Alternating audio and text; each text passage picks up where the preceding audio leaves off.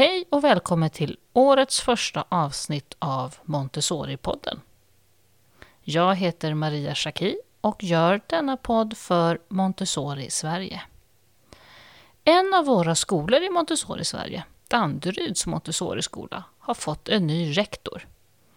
Vi träffar Sofia Lindström Reback och pratar om vad hon brinner för inom Montessori-pedagogiken. Det visade sig vara ganska mycket faktiskt. Vi tar gärna emot respons, lyssnarfrågor och förslag på vår Facebook-sida eller via mail på montessoripodden at montessorisverige.se. God lyssning!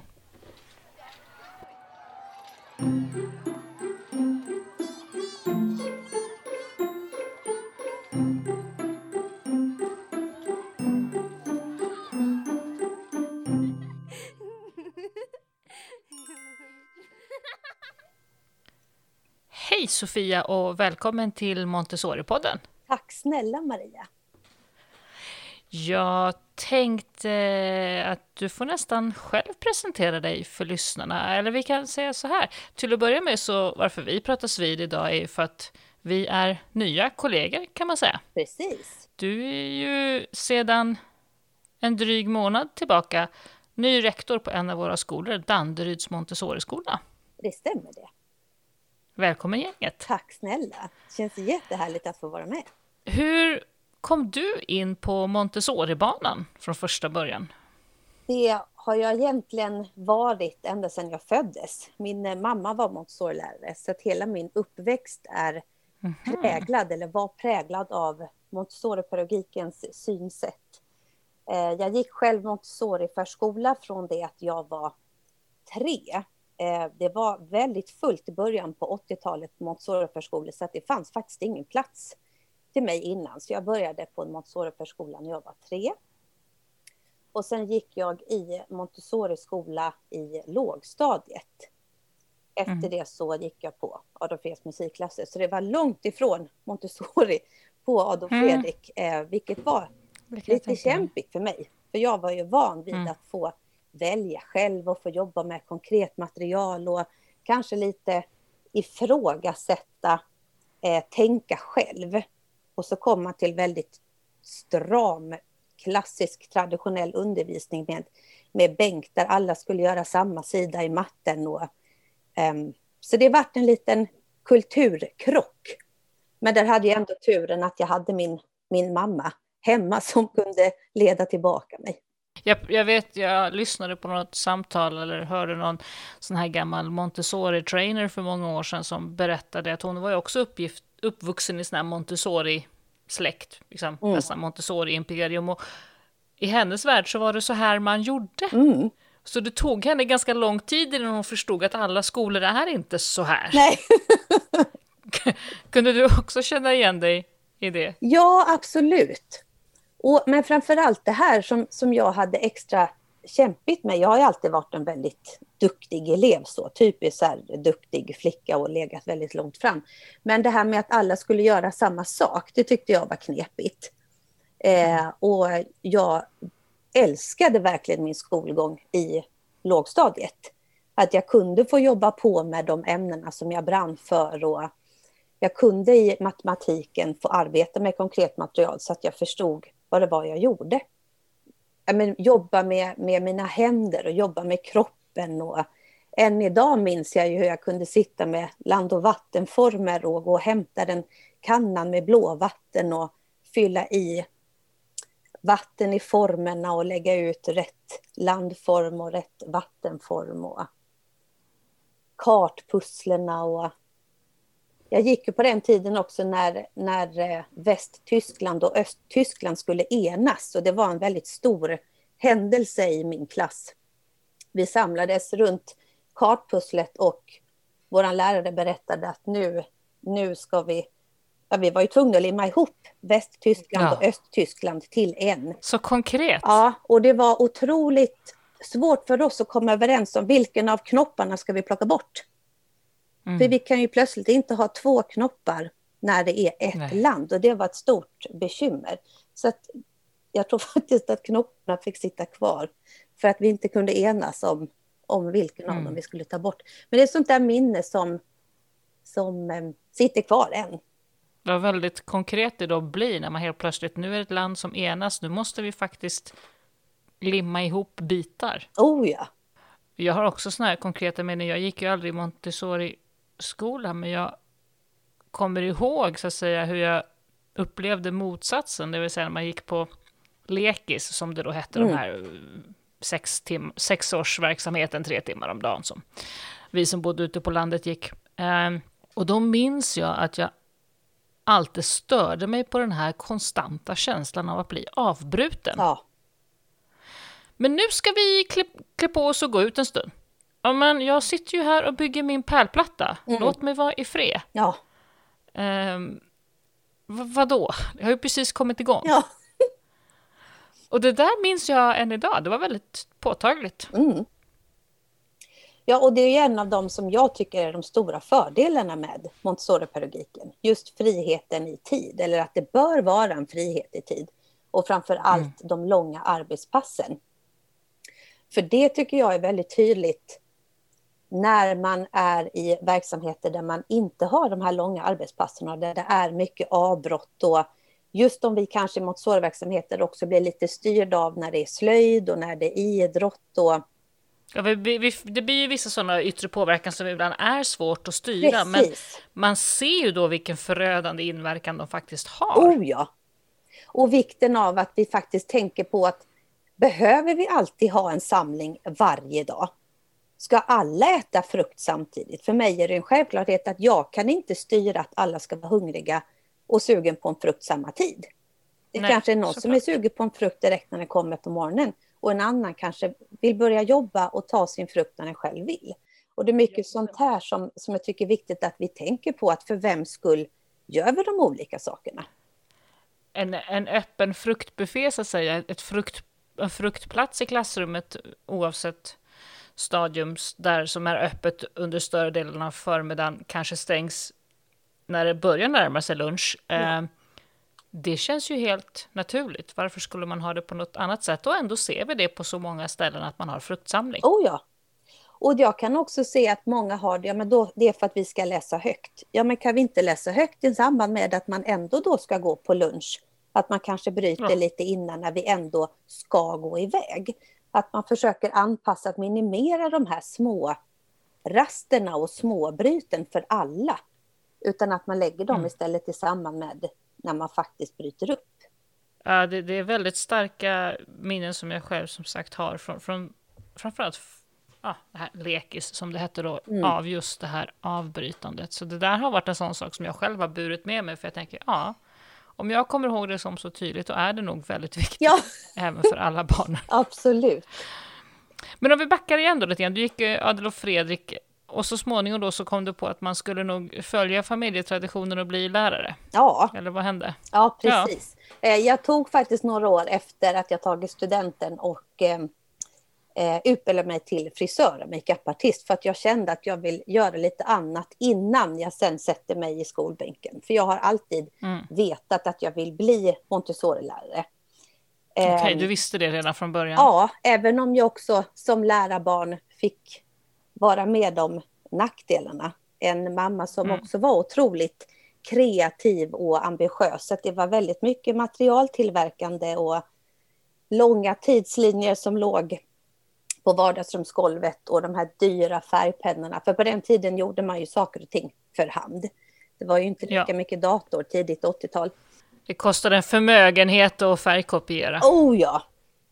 Eh, och man fick, ibland så fick jag vara, vara med och färglägga de här tidslinjerna och för mig var ju det wow, det var ju jättehäftigt och det är ganska roligt att ha dem än idag faktiskt och veta om att ja, den här har vi gjort tillsammans, jag och mamma. Mm.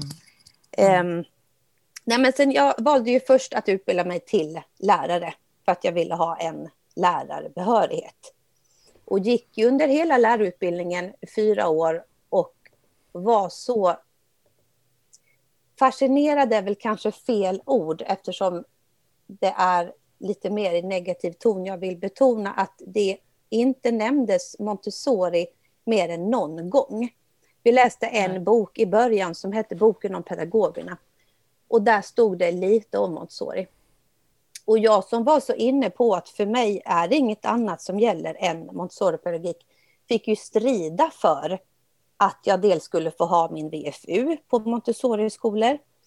Ehm, jag var väl kanske lika ifrågasättande som vuxen student som jag var som yngre student eh, kring ja, men vissa saker som, som jämt togs upp. Att just, ja, men vad gör vi med de här barnen som alltid blir klara först? Och vad gör vi med de här som, som aldrig blir klara? Och, och för mig är ju det en icke-fråga. För att ja, i en Montessori-verksamhet så man jobbar ju på efter sin förmåga.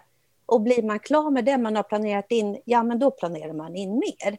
Så jag förstod inte de här diskussionerna och problematiken som vi mer eller mindre hade jämt. För att jag sa det att ja, men jag lyfte ju såklart Montessori-pedagogiken eh, på gott och ont.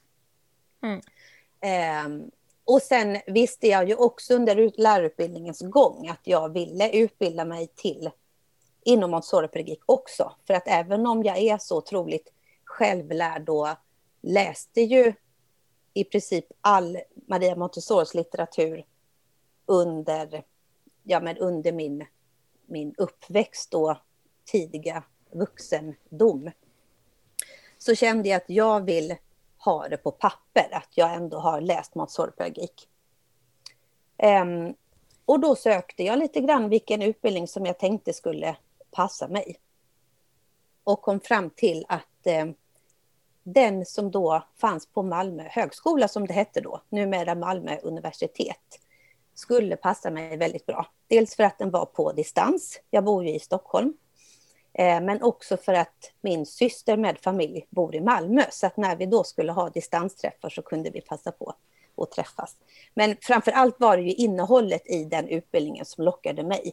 Att det var mycket teori, det var mycket grundtankar, eh, lite materialtillverkning, men den kändes väldigt djup och gedigen. Och sen hade du och du kanske så pass mycket vad gäller just material och materialtillverkning redan från början ja. med dig, så att, så att det kunde du liksom redan ändå. Precis. Var det så du kände? Ja. ja. Och sen också under kursens gång där så kände jag också att den, den var verkligen, eller är, den finns ju fortfarande, väldigt bra, även om man också är ett Montessori-barn som jag är innan. För att då fick man ju också möjlighet att fördjupa sig själv. Och den är också uppbyggd ganska mycket under eget ansvar. Um, ja, så den, ja, för mig passade den väldigt, väldigt bra. Mm. Och sen blev det dags att ut och jobba på Montessori i Montessori-skolorna. Var, var hamnade du då? Då hamnade jag först på en ganska liten Montessori-skola i Rybo, där jag bor, som ligger eh, strax, ja, kanske två mil utanför Stockholm ungefär. Eh, och där arbetade jag i ungefär fyra år. Mm. Eh, och sen så hamnade jag på Solbackens Montessori-skola i Åkersberga, som också är en väldigt liten Montessori-skola. Eh, och efter det så hamnade jag då på Danderyds Montessori-skola. Och däremellan så blev du liksom kvar lite grann i, på universitetet i Malmö? Ja, precis. För att när jag hade avslutat min Montessoriutbildning där, så något år efter så hörde Bodil Kronqvist, som är kursansvarig för den kursen, av sig till mig och frågade om jag ville börja jobba som en av kurslärarna på Montessori-pedagogikutbildningen. Och för mig var ju det otroligt stort. Eh, för det är ju en av mina drömmar som jag har haft, att få utbilda inom Montessori-pedagogik, att få utbilda andra mm. inom den här pedagogiken. Inte bara föräldrar genom föräldrakurser, utan faktiskt förskollärare och lärare. Så att vi kan sprida den här pedagogiken. Eh, och i samband med att jag gick min utbildning så blev jag också med i Montessori-sällskapet mer som också är till för att främja Montessori-pedagogiken och stärka våra ja, stärka vår pedagogik. Och där är jag mm. fortfarande verksam i styrelsen också. Och då när du nu har, har eh, genom din grundlärarutbildning och, och, och sen när du har jobbat på olika sätt, vad, vad känner du idag i, med lite perspektiv så att säga, som man kanske inte hade som liten? Är, vad är grejen med Montessori? Vad är det som gör, gör att det är det som är grejen? Och framför allt så är det väl tron på barnet, tänker jag. Att vi behöver gå tillbaka till Montessori-pedagogikens grundtankar. Eh, respekt för barnet, respekt för miljön, förbered en miljö. Jag tänker att det är viktigt att vi går tillbaka ja, men just till grunderna, back to basics som bland annat Claire Healy och Walls brukar prata mycket om. Men jag tror att det är viktigt att vi självklart ser pedagogiken i 2020-talet. Men att vi också vågar köra Montessori-pedagogik hela vägen ut. Att vi vågar stå fast vid att det faktiskt fungerar. Förbereder mm. vi en inspirerande miljö för alla barn så nu kanske jag låter lite kaxig, men, men så upplever jag ändå att vi inte behöver ha lika mycket andra anpassningar. För vi har redan anpassat genom den förberedda miljön. Just det där med anpassningar har jag ju upplevt mycket som, som rektor på Montessori-skola, som jag ju också var i många år, att hela den anpassningsdiskussionen eh, blir annorlunda på Montessori-skola, för vi gör ju liksom det ändå. Ja, precis. Så det blir ju eh. inga anpassningar i den bemärkelsen att vi behöver, för vi ser ju redan på det individuella barnet. Förhoppningsvis så har de mer eller mindre individuella planeringar. Um, sen är det ju en styrning, en valfrihet, frihet under ansvar. Så är det ju, men jag menar, vi har ju i Montessori-skolan har man ju alla tider konstaterat att okej, okay, just det här barnet, den här eleven behöver nog placeras lite mer fast och mm. kanske lite mer i ett hörn, möjligen till och med bakom en skärm så att han inte blir så störd. Eh, och hans planering behöver nog vara lite mer strukturerad än de andras. Okej, okay. mm. det har vi ju liksom på något sätt alltid gjort. Det har aldrig varit någon stor sak. Nej, det är det det inte så. är. Så jag tror att faran är när man, att man inte vågar lita på att Montessori-pedagogiken funkar och stämmer. Det stämmer ju så väl överens med Lgr 11 också läser man den och lusläser så, så finns det ju otroligt mycket likheter med Montessori-pedagogiken. Och jag tror mm. att det är en fördel nu också när, när kursplanerna ändras, att det faktiskt blir lite mera, det blir inte lika styrt i mm. de kunskapsplanerna som kommer. Vilket jag tror är en fördel för oss inom Montessori-verksamheter, för då kan vi ännu mer verkligen våga köra hela vägen ut. För jag tror det kan mm. vara också ett, ett hinder och en rädsla att vi måste ha nationella prov. Vi måste sätta betyg i sexan. Och då tror jag att många verksamheter inte riktigt vågar hålla fast vid pedagogiken, utan då måste man, mm. tror man, ta in ja, men andra tankar och pedagogiska metoder. Jag tror också att man också kanske resonerar och diskuterar lite för lite i vad som står. Man, man läser stoff och kursplaner och allt möjligt och så blir man stressad. Oj, oj, oj, vi måste göra det här också. Mm. Istället för att börja grubb, fundera på, vänta nu här. Vad har vi i Montessori-pedagogiken som korrelerar till det här? Det är nog kanske så att vi egentligen gör, eller åtminstone borde göra, det här mm. redan. Vi har det här med oss. Möjligen har vi glömt det, mm. men det finns där. Ja. Um, Istället för att bli stressad över att det måste vara någonting nytt och någonting annorlunda. Mm. Och där får ju man jobba egentligen hur, hur man själv vill. Men jag tänker att om man väljer att inom kulturämnet till exempel utgå ifrån de fem stora lektionerna så, så kan man ju jobba med att man varje år har de här fem stora lektionerna. Och sen benar man upp, vad ska lågstadiet göra i lektion nummer mm. ett? Vad gör mellanstadiet?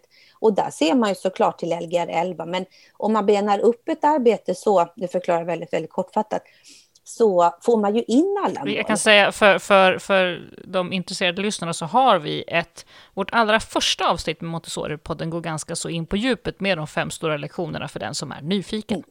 Så. Mm, vad härligt. Eh, nej, och då upplever jag att det inte blir några svårigheter, för då har man ju täckt allting och dessutom får man med de fem stora lektionerna. Och man kan ju göra en liten lokal eh, genomgång av, av kursplanerna och stoffet och stämma av vad är det vi gör som funkar med det här. Okej, okay, bra. Mm. Uh, för att se om det är någonting som man mot förmodan kanske inte klarar av att täcka upp. Ja, men då får man kanske lösa det. Precis. Sen älskar jag ju också åldersintegreringen. Den tycker jag är mm. helt fantastisk. Och hur, hur, stor tycker du att den ska vara? Hur många, hur många årskurser behöver man ha tillsammans för att det ska bli något tryck i det där? Jag tycker att det är bra om man har 1, 3 och 4, 6. Men det här får ju såklart varje skola göra vad man själv vill. Vad gör vi av förskoleklassen då? Förskoleklassen tycker jag kan få vara lite grann av sig själv i början, men sen ska de integreras in i 1, 3 vart eftersom. Framförallt de som är, är redo. Mm. F3 kan också fungera beroende på hur lokalerna ser ut. Så som eh, där jag jobbar nu på Danderyds Montessori-skola, där har vi en F-klass. Och sen har vi två styckna 1-3-år och två styckna 4-6-år. Mm. Eh, och det är också en, just med åldersintegrering en sak som jag minns själv från när jag gick, för vi gick ju på svamputflykt när jag gick i ettan till exempel. Vi hade ju en 1-3 och en 4-6 då också. Och då var det ju sexorna som var ansvariga för oss. Så vi hade ju faddergrupper som vi gick på svampeflykt med. Och där tänker jag också att nu kom ju alltid alla barn tillbaka, så det var ju tur. Men eh, egentligen är det ju lite vanskligt att låta kanske ett gäng tolvåringar ta hand om ett gäng sex sjuåringar. Men det funkade och samtidigt så tänker jag att där har ju också... Man kanske kan tänka sig att man har en lärare som smyger lite i buskarna. Ja. ha koll på att det fungerar. Precis, men jag tänker att tanken är ju väldigt god, att vi genom att också ge barnen ansvar och visa dem mm. respekt, att vi litar på dem och tror på dem, så, så möjliggör man ju så otroligt mycket mer. Och det är ju fantastiskt ja. fint att jag gjorde faktiskt senast igår att eh, jag hade några av de äldre barnen som kom ner och, och var som hjälplärare i de yngre åldrarna och hjälpte till med att läsa lite engelska och ja, med vissa presentationer och så. Eh, och man ser ju en sån otrolig glädje hos de här barnen som får komma ner och hjälpa till. Och då menar du, då är det typ fem år, sex år som går ner på lågstadiet ja. och, och rycker in lite grann? Ja, precis. Mm. Eh, och det blir en otroligt fin känsla och gemenskap just när man, har, när man, när man tillåter ett sånt öppet klimat och en, en åldersintegrering som också bidrar sen till rastverksamheten. Att de faktiskt mm. leker med varandra även ute. Och att en stor stöttar en lite mindre och ibland tvärtom. Jag har gjort så även, kommer jag ihåg, på förskolan när jag jobbade på småbarnsavdelning och det någon dag var sjukt i personalen eller mina två kollegor satt i samma bilkö så att ja, de ja. kom, var väldigt försenade och jag stod där själv med tolv stycken ettåringar. Mm. Då kunde jag öppna dörren över till stora avdelningen och säga hej, kan jag få två stycken sexåringar tack? Ja. och så kom de. Ja. Och de hade ju själva gått på småbarnsavdelningen där så att de hade stenkoll. Mm. Och när mina kollegor kom så var allt lugnt. Mm.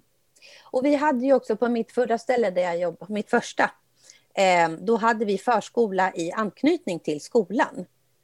Då mm. gjorde vi så att, då jobbade jag på lågstadiet, att vi hade läsgrupper. Att mina elever då från lågstadiet, de som ville, fick gå läsa högt för förskolebarnen. Och ibland så gick vi in till förskolan och ibland så kom förskolebarnen in till oss. Och det var också så otroligt fint att se att dels de här skolbarnen då som också kanske, vissa kunde inte ens läsa, men ville så gärna läsa för de yngre barnen. Så jag sa, men berätta om bilderna, de små vet inte om att inte du kan läsa än. Vilket gjorde att det sporrades till att verkligen vilja lära sig läsa för att man skulle få gå och läsa för de, för de yngre barnen. Mm. Och det var ju också så otroligt eh, magiskt att se att de äldre tog hand om de yngre och de yngre verkligen uppskattade att bli lästa för. Och, sen, och det gjorde ju också att de sen vågade... Ja, men de var ju inte rädda för skolbarnen. Nej. Det är kompisarna. Ja, precis. Eh, de här Montessori-skolorna som kanske inte riktigt eh, har, har, har vågat sig på den här bredare åldersintegreringen, som har fortfarande antingen helt åldersindelat eller kanske bara två årskurser tillsammans. Mm. Eh, vad, vad, kan vi liksom säga till dem för att ge dem lite råg i ryggen?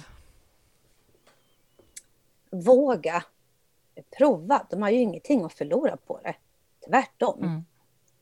Mm. Um, och sen återigen... Jag tror att många, många ibland kan ha liksom en känsla av att oh, men det blir mycket jobb. Eh, hur, hur, alltså, hur ska man planera för alla de här? Att man har lite svårt att se det framför sig. Mm. Jag har ju eh, snarare alltid tänkt att jag har ju hellre 24 olika jobb igång om jag har 24 elever i en klass. När jag vet att alla jobbar utifrån sin förmåga och utifrån sin kunskapsnivå. Än att jag ska låta 24 barn göra samma sak. För mig jag, jag, kan, jag kan inte göra det. Jag vet inte hur man bedriver en, en traditionell undervisning, att alla ska göra samma sak. Det funkar inte för mig. Um, och, då, och då tänker jag ändå att när man får se, för ibland så blir man ju ifrågasatt av föräldrar också, men har du verkligen koll på att alla barn gör det de ska göra? Och, mm. Mm. Um, och sen ibland så har jag ju faktiskt tagit lite kort på när ja, men 24 barn jobbar med olika saker. Två kanske jobbar med en sak och en tredje med det och de sitter på golv och vissa under bord för de känner att de behöver få någonting över huvudet så att de inte syns och hörs lika mycket. Vissa sitter med, med en tidslinje och jobbar med det och, och när de får se att det fungerar och litar, och då, då tror jag mer också att de litar på att jag har dunderkoll, för det har jag ju. Och barnen Nej. vet ju att jag har koll, för vi har ju ändå den ömsesidiga respekten sinsemellan.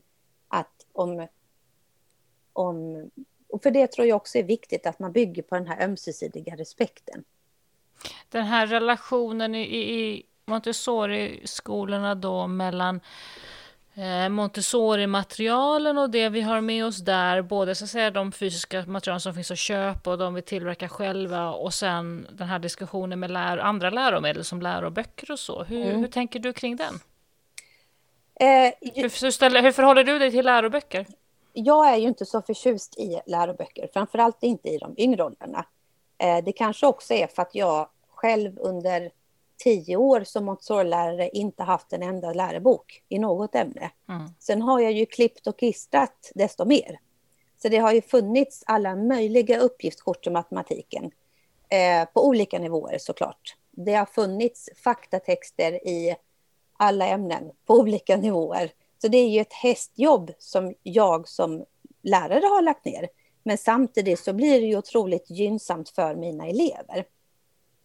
Sen tror jag att när man kommer upp i åldrarna, säg mellanstadiet, just i matematiken, kan behöva en matematikbok som ett komplement. Men jag mm. skulle ändå önska att det är uppgiftskort och eh, konkret material som styr och en matematikbok finns som komplement. Har du då, tänker du då en matematikbok per elev där hos de äldre eleverna eller någon som står i någon form av referensbibliotek eller hur? Ja, någon som står i något referensbibliotek. Mm. Och så får man, man lösa uppgifter själv i böcker och så vidare. Ja, precis. Mm, mm. Och jag har ju gjort så, sen tror jag mycket också på det här med att bara för att barnen blir äldre så är det ju många som tänker då ska vi börja skola in dem i det här läroboksträsket för det är det de ska möta sen i högstadiet. Ehm, men jag tänker att vi kan förbereda dem på så många andra sätt ändå. Det bästa sättet att förbereda eleverna tänker jag ändå är att vi ska bygga ännu mer på deras självkänsla, deras trygghet. Ehm, att de litar på att de själva kan. Sen måste vi såklart lära dem studieteknik också. Sen kan det ju finnas en lärobok som ett komplement om man till exempel ska söka vidare mer fakta. Mm. För det kräver ju ännu mer av en mellanstadielärare att tillverka material. Framför allt i då kulturämnena. Men jag säger en stor lycka. Jag har ju nu dragit igång med, med eh, svensk historia med mina mellanstadieelever och tidslinjen eh, har jag sytt en ny med vikingatiden och medeltiden och de sitter där så glatt på golvet och gör sina egna tidslinjer och gör faktapilar mm. och de tycker att det är otroligt eh, härligt. Ja, det, det, det, kan jag tänka mig. Men det där just med, med läromedel och läroböcker och i de äldre åldrarna, det är nog eh, det upplever jag som en sån här sak som det är svårt att släppa sargen i. Mm. Ja, den, den... och jag kan också förstå det, men, men återigen, och jag kanske är helt och cyklar, men det är ju hur jag är som Montessori-lärare. Jag, jag kan som sagt inte säg, låta alla barnen göra samma sak. Det, det funkar inte för mig. Ehm, de behöver få olika texter, de behöver få valmöjligheter och valfrihet. Ehm, de behöver få olika tid på sig att utföra olika uppgifter. Hur har du jobbat in, eh, eller hur tänker du kring att jobba in olika typer av digitala läromedel i den ekvationen med framförallt de äldre barnen? Där tänker jag att vi eh, framför allt kan använda oss när vi gör olika eh, faktatexter till exempel. Att vi lär dem använda olika typer av program. Vi jobbar ju också nu, nu till exempel när vi håller på med ett eh, skrivprojekt faktiskt, så skriver de i eh, driven och skickar så att vi delar dokument med varandra. Vi använder oss också av eh, Google Meet om det är så mm. att det behövs. En av oss på skolan jobbar inte så Montessori som vi andra och det kan ju vara positivt för, för eleverna i det här fallet att hon kör mycket digitalt. Um, och kör mycket presentationer via, alltså lägger upp via Google Classroom så att eleverna kan hitta där. Mm. Då blir det, ju, alltså, det blir på något sätt som digitala uppgiftskort. Ja, precis. Tänker jag. Och, och sen också, för det är ju vissa av mina elever som behöver ha texten på en skärm. Just för att de mm. behöver också få inläst. Och då delar jag, eftersom jag gör materialet själv, så delar jag ju det med eleverna också. Men jag... Och då kan de använda, då kan de använda för säga, uppläsningstjänsterna ja, precis. på skärmen. Då. Precis. Mm. Och, det är, och det är ju jättesmart. Ja.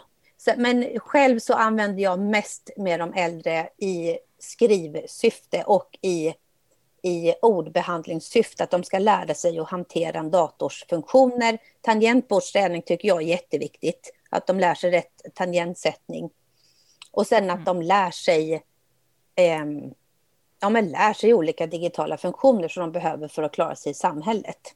Och en av dem tänker jag som är jätteviktig, kanske framförallt just nu, det är ju hela källkritikskompetensen. Eh, oh ja. Mm. Um, och den är jätteviktig. Är och även tänker jag, jag brinner ju också för barn och unga och sociala medier och vad de kan bli utsatta för och inte utsatta och hur vi kan jobba med barn och unga för att förhindra att de blir utsatta och framförallt lära dem om, om både positiva saker om sociala medier och negativa saker och hur man beter sig på nätet kontra i eh, verkliga livet. Och det... Hur, brukar, hur tar du upp det? Hur, hur, hur jobbar du med det? Eh, det blir ju inte så montessoriskt. det blir ju mer nej. att, nej. Eh, och det behöver det ju inte vara. Men framför allt så det finns väldigt mycket bra material, bland annat så gör Rädda Barnen för yngre barn, Stopp min kropp, har gjort ett helt nytt mm. material kring Stopp min kropp. Um, det är klockrent att använda med de yngre barnen. Även för ännu yngre barn, så barnen i Kramdalen, att man läser, man diskuterar mycket med barnen. Och med de mellanstadieeleverna så använder jag först och främst eh, eh Värsta bästa nätet, Maria Duvas och också Värsta bästa hälsan som också Maria Duva har skrivit. Eh, och sen har Aktiv skola otroligt många bra både filmer som man kan visa för barnen, eleverna och sen då diskussionsmaterial att diskutera kring. Ja, för någonstans är det ju lite grann att, att vi, vi jobbar ju väldigt mycket i skolan med hur man ska bete sig mot sig själv och mot andra och, och socialt och så. Mm. Eh, och, och, där, och, och, och, det vi då behöver vara jättenoga med och, och hjälpa dem att förstå är ju att exakt samma sociala förhållningsregler och beteenden gäller på nätet. Ja, precis. Det är ingen skillnad, det är exakt samma och det är om möjligt ännu viktigare, men det, reglerna upphör liksom inte att gälla. Nej, men de gör ju inte det. Ändå så är det på något sätt som att de tror att slutna grupper på Snapchat till exempel är mer okej okay än vad det är att utesluta folk på skolgården. Och det är ju faktiskt mm. precis samma sak. Fast det enda är att det mm. ena är i telefonen och det andra ser vi mer med och upplever med hela kroppen. Mm. Eh, men sen är, tänker jag också att det är viktigt i det här arbetet just med sociala medier och barn och unga att vi också det är klart att vi måste poängtera faror och lära barnen hur de ska hantera, men framför allt att de har en viktig vuxen som de kan gå till och berätta om de är utsatta för något. Men det finns ju så otroligt många fördelar med... Och där tänker jag att, att en sak, det här med att, att berätta för en vuxen, jag vet att jag ett avsnitt vi har gjort med Montessori på den här ett samtal med internetforskaren Elsa Dunkels mm. Eh, i Umeå. Och, och, där pratade hon lite grann just om det här att eh, om barnen och jag, jag, fick också, jag lyssnade på en podd här förut idag faktiskt, eh, när jag lyssnade på Siri Helle, som mm. ju också pratar mycket om det här. Att om barnen eh, vet att mamma och pappa är inte jätteförtjusta i att jag håller på med det här på nätet, mm. då eh, finns ju också risken att de, när någonting obehagligt eller farligt händer, mm. inte vågar att gå och berätta det. Precis. För då var de på ett ställe de inte riktigt fick vara. Ja. Jo, men... Och då törs man inte berätta att någonting hände som inte kändes okej. Okay. Nej, och det är ju där också som, som föräldrar behöver ta sitt ansvar och också, jag tänker att hota att ta bort appen är ju inte lösningen, för appen finns kvar och det kommer en ny app, utan vi behöver ju snarare utbilda våra barn och unga i att så här gör du om någonting händer, det här kan hända. Och sen hur kan vi säkerställa att kontot är så privat som det kan bli. Mm. Men, men vi vill ju ändå bygga trygga och självständiga individer, tänker jag, både som förälder och som lärare. Och genom hot och ta bort och förbud, det leder ju bara till att man blir ännu mer lockad i många fall. Ja, och precis. Och sen också då som sagt att när någonting faktiskt händer som man hade behövt berätta för sina föräldrar, ja. då törs man inte det. Nej, precis. För då kan det bli ännu värre. Eh, så, så att där är ju väldigt viktigt att, att våga ha en, en öppen och tillåtande diskussion och samtalsklimat mm. om de här sakerna och också att gå bredvid mm. barnen i, i det digitala användandet. Hon hade en annan liknelse, alltså när jag pratade med henne om det här med trafikkunskap i skolan. Ja. Det är ju ingen som skulle komma på tanken att eh, hålla barnen instängd och aldrig få vistas i trafiken tills de var 12 år och sen slänga ut dem helt själva. Nej. Nej, men det är ju det också som, jag menar vi lär ju barnen hur man ska bete sig i trafiken. Vi lär dem hur man um, ska göra om man går vilse i skogen. Men vi ger dem en mm. mobiltelefon eller en dator utan att berätta hur man ska bete sig. Nej, och, och vara med dem medan de lär sig. Ja, precis. Och också visa ett intresse för vad det mm. är barnen gör på sociala medier. Och vet man mm. inte som förälder, för det är ju många som säger, men jag kan ingenting om datorer, jag kan ingenting om alla appar och allt. Nej, men fråga ditt barn. De är ju experter mm. på det här. De vet mm. ju oftast mer än, än vad många vuxna. Och då blir ju barnen också intresserade av att, oj, min förälder eller min vuxna i min närhet är intresserad av vad vi håller på med, istället för att den sitter instängd på sitt rum. Ja, och också att, att kunna ha, och man kan ju även om man inte upplever att man kan särskilt mycket, så kan man ju fortfarande ha den här diskussionen. Okej, okay, de här, den här appen och det här du gör, uh, hur funkar det och sådär. Mm. Um, händer det att det händer obehagliga saker, att du känner att någon är lite dum? Mm. Vad, hur, när händer det? Mm. Alltså, hur kan, alltså, att man faktiskt har de samtalen. Det kan man ha även om man upplever sig som fullständigt teknikanalfabet så kan man oh, ha de ja. diskussionerna. Ja, och vad gör du om det dyker upp en bild som du tycker är passande vad, eller opassande? Vad gör du om mm. du ser en kommentar som du tycker att ja, men det där, så där skriver man inte till någon? Lite mm. nätetikett. Mm. Mm. Jätteviktigt. Mm. Ja, vi har ju, som du sa, vi gör ju sånt här i allt annat. Vi har ju någon slags vett och etikettundervisning i alla andra ämnen. Och, och då, det här är ju jätteviktigt att, att det här är ju en del av digitaliseringen i skolan att ta ansvar även för det här. Mm. Både som skola men också som, som förälder. Mm. Vad tänker du om, om framtiden för Montessori-pedagogiken? Vad, behö vad, behöver vi göra för att fortsatt vara eh, relevanta och, och aktuella i framtiden? Jag tror mycket att vi behöver fortsätta eh, tro på vår pedagogik. Tro på att den fungerar. Att vi vågar, som jag sa tidigare, låta Montessori-pedagogiken ta sin plats. Nej, nej, men det jag tänker på lite grann är det här också, eh, arbetet på Montessori-skolorna. Vi har ju, det finns ibland tendenser att man så gärna vill eh, värna det som är Montessori-pedagogikens essens och rötter. Vi pratade om tidigare om det här med att gå tillbaka till rötterna, mm. att vi inte riktigt klarar av att hantera det nya som kommer in, som till exempel digitaliseringen och mm. annat. Att vi, eh, och då helt plötsligt framstår som, som, som bakåtsträvare och gud vet allt. Mm. Eh, men att man, eh, hit, att hitta den balansen. Ja.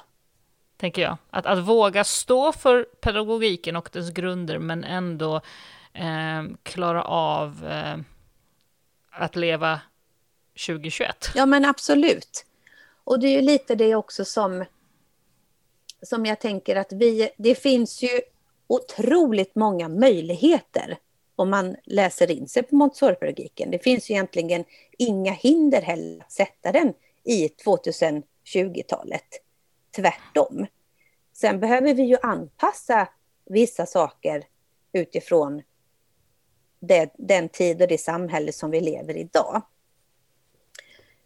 Men jag tror också att det är viktigt att vi tar tillvara på många av de grundtankar som Montessori hade, till exempel mellanstadie och högstadiebarn, att de behöver få arbeta med kroppen. De behöver komma ut i naturen, även de. För på något sätt så slutar vi med praktiska vardagsövningar när barnet börjar i skolan. Men det finns ju mm. otroligt mm. många praktiska vardagsövningar som, som även mellanstadie och högstadiebarn behöver. Där behöver vi bara se till vad, vad, hur ser samhället ut? Vilka praktiska vardagsövningar kan vi använda? Och även om mm. Montessori förespråkade att, att barn skulle leva på en bondgård mer eller mindre på, i högstadiet och flytta hemifrån, så tänker jag att så långt kanske vi inte behöver gå. Men det jag tror lite grann att hon anammade, det var ju det här entreprenörskapet och det behövs ju verkligen mm. i dagens samhälle. Det gör det. Mm.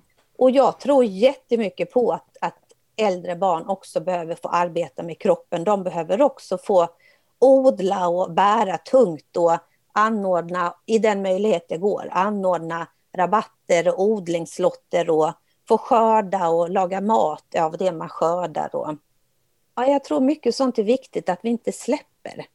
Bara för att vi lever i det samhälle som vi gör idag och bara för att barnen blir äldre. De behöver inte mm. sitta still mer för att de blir äldre, tvärtom. Nej, verkligen inte.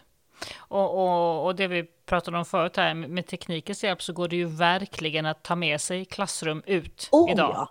Och kombinera på ett bra sätt och dokumentera det och ta med sig hem och jobba vidare med det och, och så vidare. Det är ju betydligt enklare än vad det var en gång i tiden. Ja, men absolut. Och det går att göra så, precis som du säger, så otroligt mycket mer nu när vi har digitala hjälpmedel också.